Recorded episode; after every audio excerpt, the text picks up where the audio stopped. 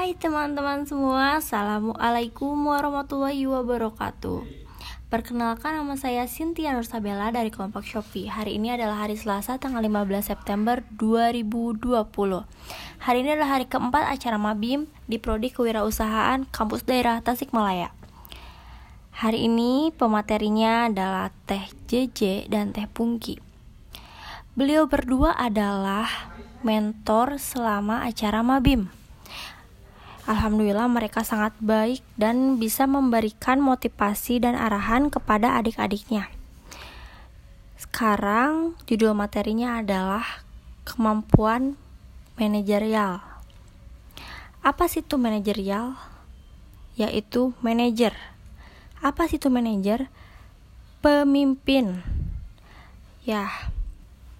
Keahlian menggerakkan orang lain untuk bekerja dengan baik untuk mencapai tujuan. Kompetensi yang dibutuhkan adalah kemampuan teknis, kemampuan konseptual, dan kemampuan kemanusiaan. Nih, ada penyebabnya rendahnya kemampuan manajerial. Jadi, manajerial ini sangat dibutuhkan. Karena kalau misalnya kita rendah, dalam kemampuan memanage itu akan kurang memahami peran manajerial, kurang memotivasi dan menggerakkan anggota, kurang antusias terhadap penugasan, kurangnya ketegasan dalam pengambilan keputusan. Cara yang meningkatkan kemampuan manajerial adalah memperbanyak komunikasi, memanajerial waktu, perorganisasian, itu bisa meningkatkan kemampuan manajerial kita. Nah, sekarang struktur keremaan.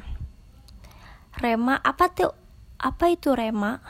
Rema adalah Republik Mahasiswa, yaitu seluruh mahasiswa. Nah, ada juga MPM. Apa itu yang disebut MPM?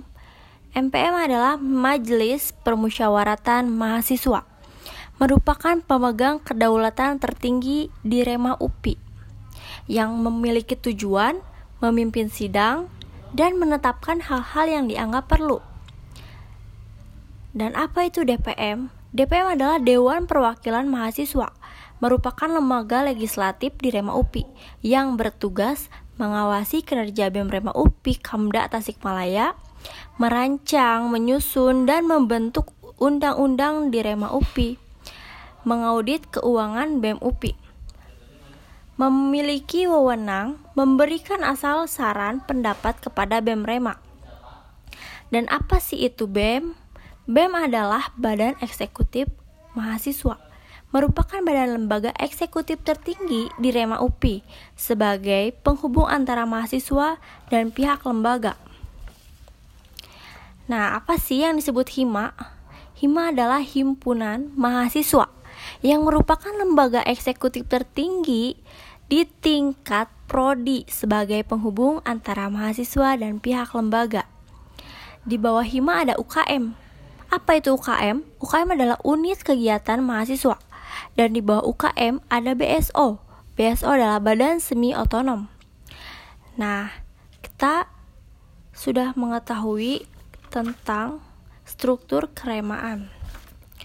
Dan apakah struktur kelembagaan kalian sudah mengetahui yang ada di kampus daerah Tasikmalaya? Kalian harus tahu karena ini sangat penting.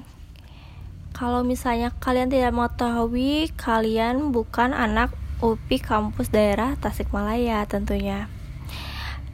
Direkturnya adalah Bapak Nandang wakil direkturnya Bapak Heri, tenaga pendidik itu adalah dosen, dan tenaga kependidikan itu adalah staff-staff, yaitu staf keuangan, akademik, dan lain sebagainya. Sekian dari saya. Mohon maaf bila ada kesalahan kata. Wabillahi taufiq wal hidayah. Wassalamualaikum warahmatullahi wabarakatuh.